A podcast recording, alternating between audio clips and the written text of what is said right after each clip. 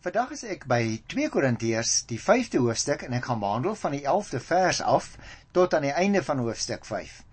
Dit is elke keer sê ek vir jou dit is 'n wonderlike gedeelte, maar hierdie is ook 'n baie wonderlike gedeelte. Die opskrif van die Afrikaanse teks is die bediening van die versoening.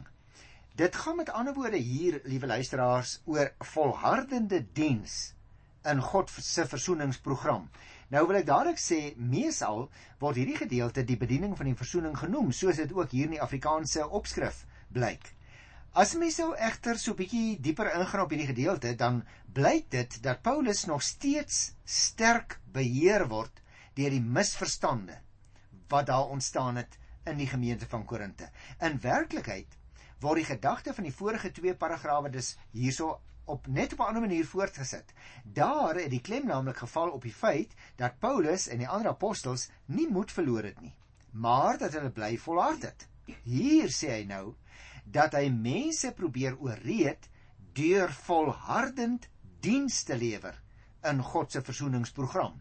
En dit beteken dus dat jy en ek as Christus gelowige ook 'n geweldige belangrike rol het om te speel in ons getuienislewering. Want jy sien ons gee soms moed op vir mense, as ek dit nou so mag uitdruk. Die Here het sy reddingsboei na jou en my toe uitgegooi. Ons het dit aangegryp. Ons hang as dit ware aan daardie lewensboei, maar nou word ons soms moeg as ander mense nie die redding van die Here aanvaar nie. En Paulus is hier besig om vir ons te sê, hy mag nie, hy wil ook nie, hy sal ook nie moeg word in hierdie bediening van die versoening aan sondaar mense nie. Kom ons kyk so 'n bietjie na vers 11 en 12. Dan gesels ons eers meer indringend daaroor voordat ek verder gaan. Hy sê ons weet wat dit beteken om die Here te dien. Daarom probeer ons die mense oortuig.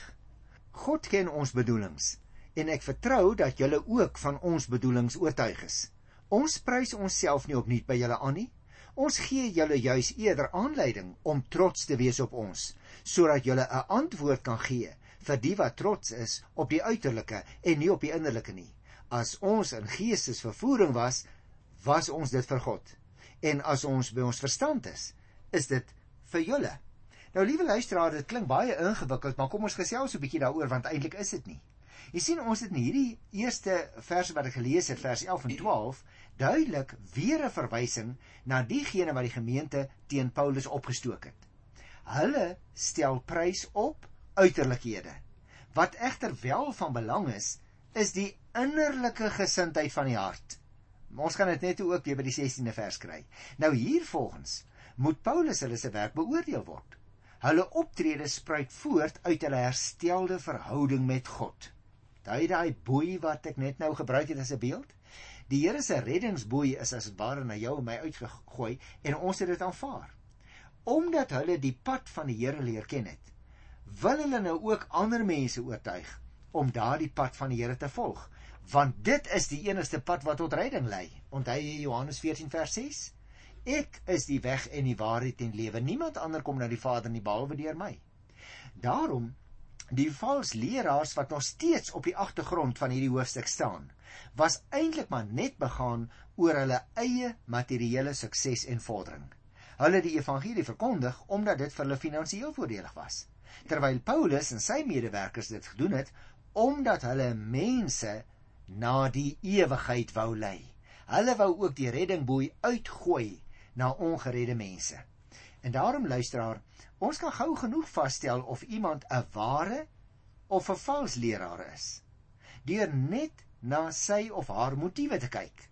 As daardie persoon begaan is oor homself of oor haarself meer as oor Christus, dan moet jy maar weet, dan het jy met 'n persoon te doen wat 'n vals leraar is. Vir my so iemand.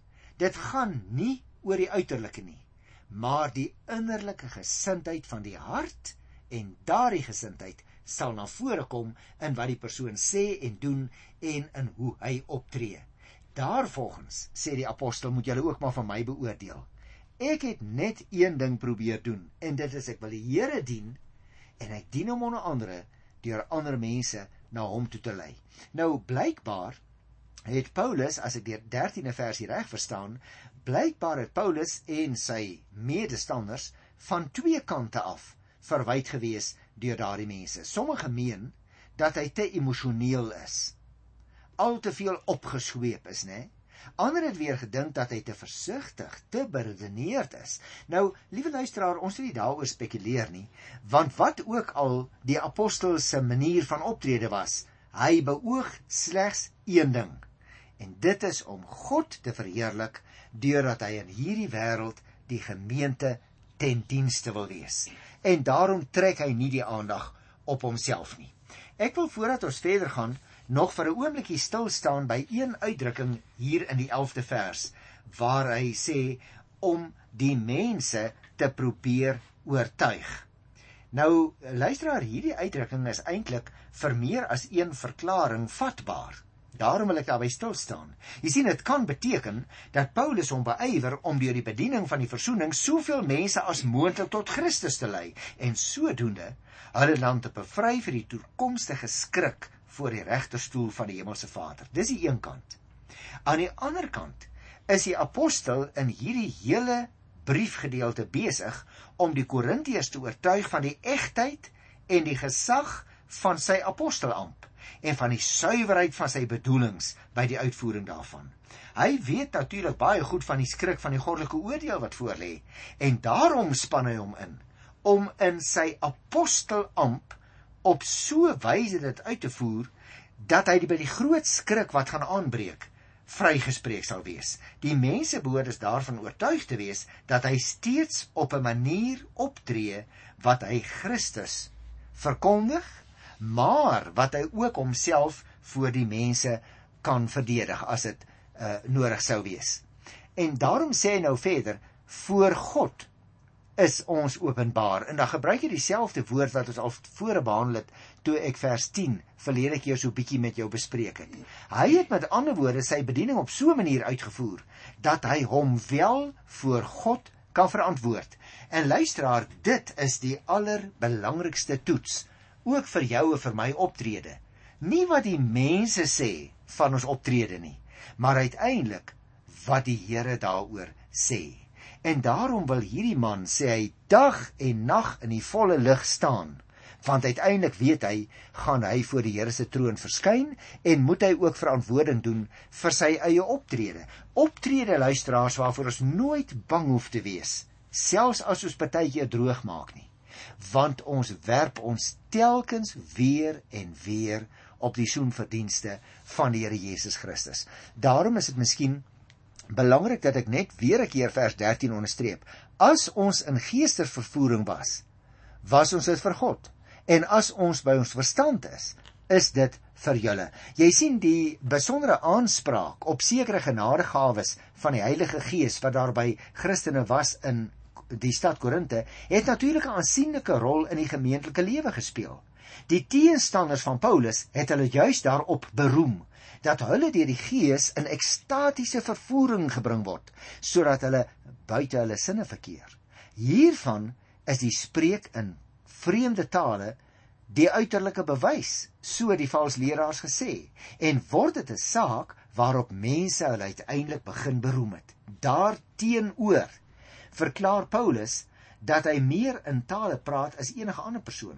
Gaan kyk maar 1 Korinte 14 naby vers 18 en 19. Maar nou verklaar hy dat hy selfs as hy wat jy en ek nou miskien sou noem uitsinnig is, met ander woorde hy's buite homself, dan sê hy is dit tot eer van God. Met ander woorde, die belewing van geesvervoering dien nie as uiterlike vertoon waarop hy in die openbaar wil roem nie, maar dit staan in verband met sy allerpersoonlikste omgang met die Here. Dit dien tot eer van God en van so 'n belewing luisteraar mag die mens geen persoonlike eer probeer inoes nie. Daarom is dit belangrik dat jy en ek voortdurend sal die vraag vra ook ten opsigte van onsself van onsself van ons eie optrede hoe beleef die mense my want die apostel sê wie wat partykeer as ek voor die Here kom dan is ek as dit ware buite myself ek is in 'n geestesvervoering maar as ek voor die mense kom dan is dit beter dat ek by my volle sinne is, dat ek verstaanbaar sal praat. Soos hy dit noem, as ons by ons verstand is, is ons dit vir julle. Nou kom ons kyk na vers 14 en vers 15. Die liefde van Christus dring ons omdat ons tot die insig gekom het dat een vir almal gesterwe het en dit beteken dat almal gesterwe het. En hy het vir almal gesterwe sodat die wat lewe nie meer vir hulle self moet lewe nie, maar vir hom wat vir hulle gesterf het en uit die dood opgewek is. Nou dis wonderlike woorde, liewe luisteraar. Want die apostel sê hier baie duidelik, die grondslag van die werk is die liefdesgesindheid en die liefdesdaad van Christus, nie vir homself nie. Hy sê Christus het hom oorgegee om vir sy mense te sterwe.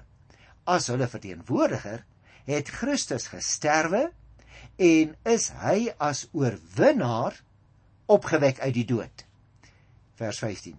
En so het die Here Jesus luisteraars uiteindelik vernuwing verwerk vir elkeen wat met hom as die groot verteenwoordiger verbonde is. Ek wil nie sommer afstap van hierdie verse nie juis omdat dit vir my so wonderlik is.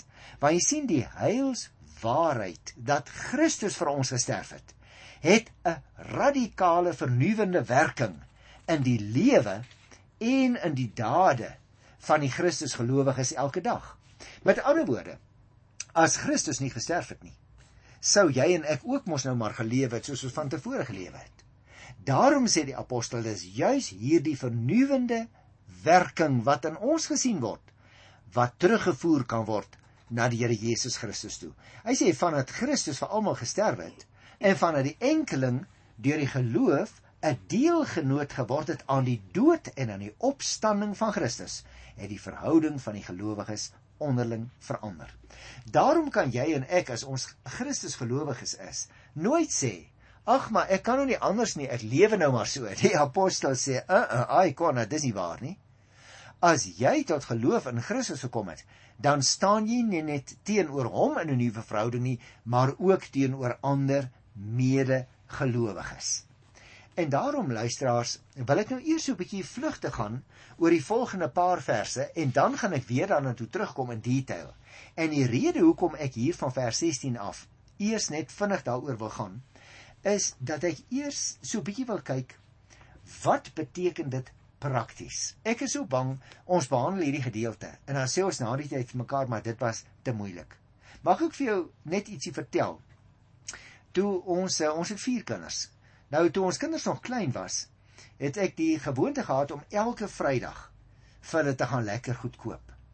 Eendag staan daar toe 'n vrou voor my in die tou en sy het ook so 'n klein seentjie aan haar hand. En terwyl ek nou hierdie eetgoed het vir my kinders, toe dink ek, "Wag, ek koop vir hom ook sommer 'n roomys." En weet jy hoe gebeur daar baie interessante ding? Na die tyd wag die vrou vir my by die uitgang van die winkel. "Dankie meneer," sê sy regtig uit haar hart. Nou, waarskynlik was jy ook al in so 'n situasie, liewe luisteraar. Die vraag is, hoekom doen Christene sulke goeie dade. Nie om hulle self in die lig te stel nie. Nie omdat ons in 'n tyd aangekom het wat ons dwing om anders te begin optree nie. Nee. Nie Christene doen goeie dade omdat ons in die tyd van die verzoening lewe. Die tyd wat Paulus noem hier in die 16de vers van nou af. Kom ek lees dit vir jou. Hy sê ons beoordeel dus van nou af niemand meer volgens menslike maatstawwe nie. Al het ons Christus vroeër volgens menslike maatstawwe beoordeel, nou beoordeel ons hom nie meer so nie. Met ander woorde, die apostel sê, nou dat Christus gekom het en jy en ek deur sy genade Christene geword het, nou moet ons na iemand anders kyk deur die oë van die Here Jesus. Jy sien, sedert die tyd dat Christus vir alle mense gesterf het, dit is die tyd wat die apostel hier noem van nou af. Daarom kyk jy en ek as Christene met nuwe oë na mense. Ons kyk nie na mense as wesens wat net hulle self wil handhaaf nie, maar as mense vir wie Christus gesterf het en opgestaan het. Jy en ek, liewe luisteraar, moet 'n ander maatstaf aanlê as die wêreld dink. Ons moet na mekaar ook kyk as geestelik lewende mense. Ons staan met mekaar mos in 'n nuwe hede. Iets wat net die geloofsoog kan sien. Paulus erken dat hy Christus voorheen anders beoordeel het. Want jy onthou eers het hy die Here Jesus en sy volgelinge vervolg. Maar nou verstaan hy eers wie die Here Jesus werklik is. Met ander woorde, sy verbondenheid met Christus het in die apostel so 'n verandering teweeggebring dat hy nou anders optree teenoor ander mense. Nou beoordeel hy mede-Christene ook geestelik. So kyk jy en ek ook soms in 'n gemeente op 'n ander manier na mekaar. Ek is bewus van die ander een se foute, van die ander een se tekorte, maar ek leer om na daardie een te kyk soos wat die Here in sy genade na my gekyk het. Daai ou of daai dame is ook 'n Christen en daarom tree ek op 'n bepaalde manier op. Ek het hom of haar lief met die Christelike liefde van die Here ten spyte van wie of wat hy of sy is. Nou is dit baie interessant. Nou kom die apostel hierso by 'n konklusie in die 7de vers. Hy sê: Iemand wat aan Christus behoort, is 'n nuwe mens. Die ou is verby. Die nuwe het gekom. Die Griekse taal staan daar eintlik geskryf in hierdie versie: Ons is nuwe skepings. Ons behoort per slot van sake, liewe luisteraar, nou tot die nuwe skepping wat tot stand gekom het toe Christus betaal het vir sondaars en hulle oorgegaan het in 'n nuwe lewe. Iets van hierdie koninkrykstyd het immers aangebreek. Sondaars word heiliges. Vyande van God word kinders van God. Geestelik dooies word vir die ewige lewe bestemdes. Maar let op luisteraar. Dit doen ons nie en dit is ons nie as gevolg van uiterlike druk nie. Ons is dit selfs ook nie as gevolg van evolusie nie. nee. Nee vers 18 sê iets anders. Luister. Dit alles is die werk van God. Hy het ons deur Christus met homself versoen en aan ons die bediening van die versoening toevertrou. O, oh, ongelooflike woorde. God het ons dus gered en hy het aan ons 'n taak gegee om die bediening van die versoening deur te gee aan ander mense. Ons staan self in die bediening. Ons wil ook hê ander mense moet in die bediening staan sodat almal uiteindelik kinders van die Here kan word. En wie wat? Die apostel sê dit tog duidelik. Ek het dit nou net gelees in hierdie 18de vers. Dit alles is die werk van God. Kom ek sê dit so. Jy en ek het 'n verlede. Ons is met God versoen. Ons het ook 'n hede. Ons het nou instrumente van die verzoening geword. En wie wat? Ons het ook 'n toekoms. Ons kan nooit weer anders wees nie. Ons kan nie daaroor uitgepraat raak nie. Ons kan nooit weer die ou lewe van destyds lewe nie.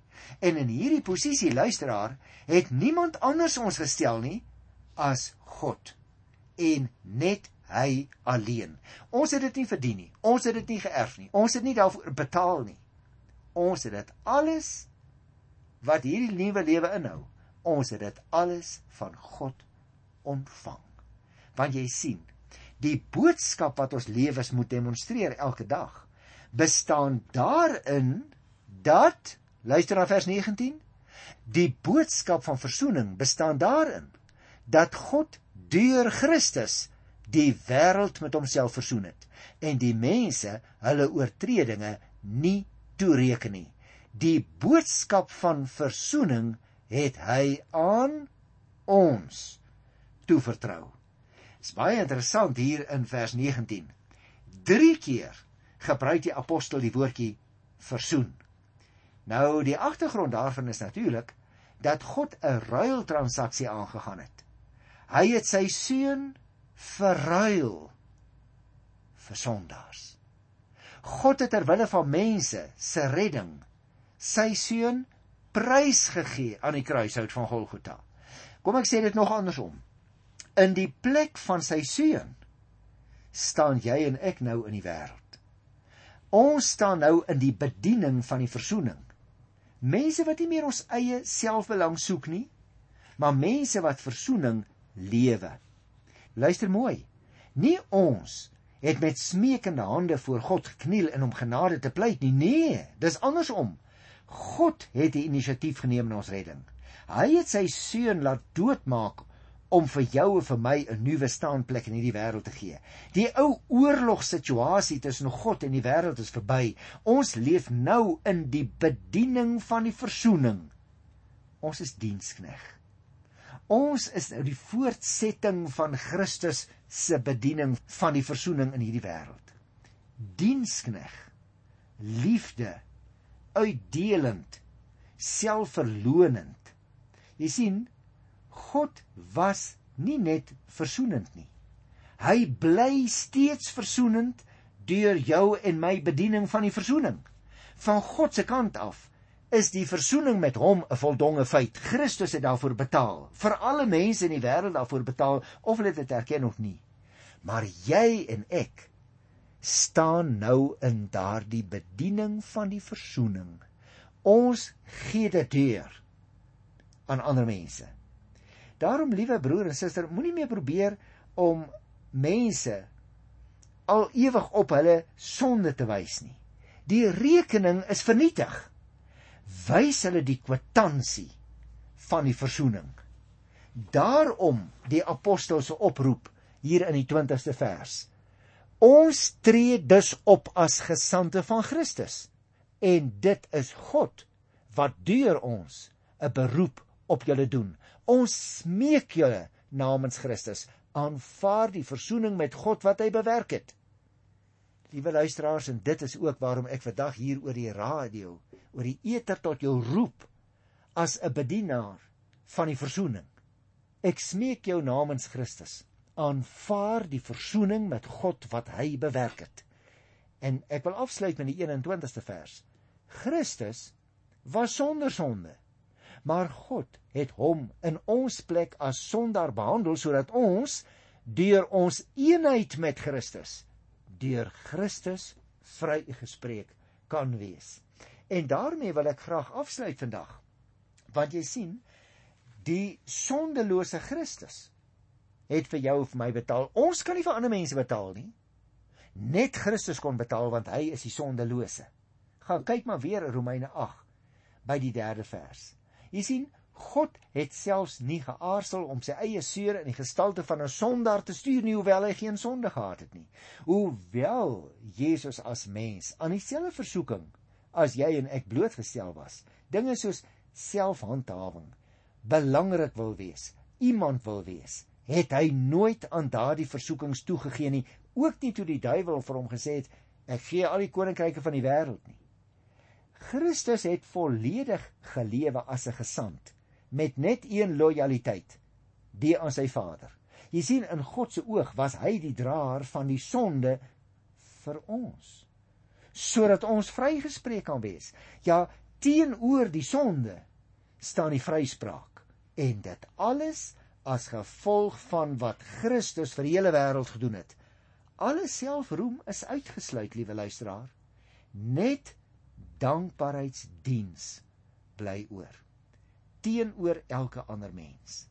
Mag ek dus in die naam van ons wonderlike Here vir jou ten slotte vra vandag. Dra jy ook die boodskap van die verzoening? Miskien moet ek vra. Is jy al met God versoen? dan wil ek vandag deur die Here se genade die draer van die boodskap teenoor jou wees. Laat jou met God versoen.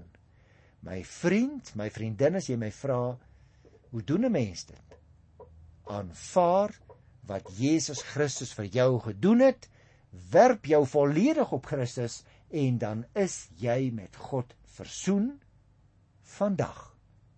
Ek groet jou in sy wonderlike naam. Jesus Christus die enigste middelaar. Tot volgende keer. Totsiens.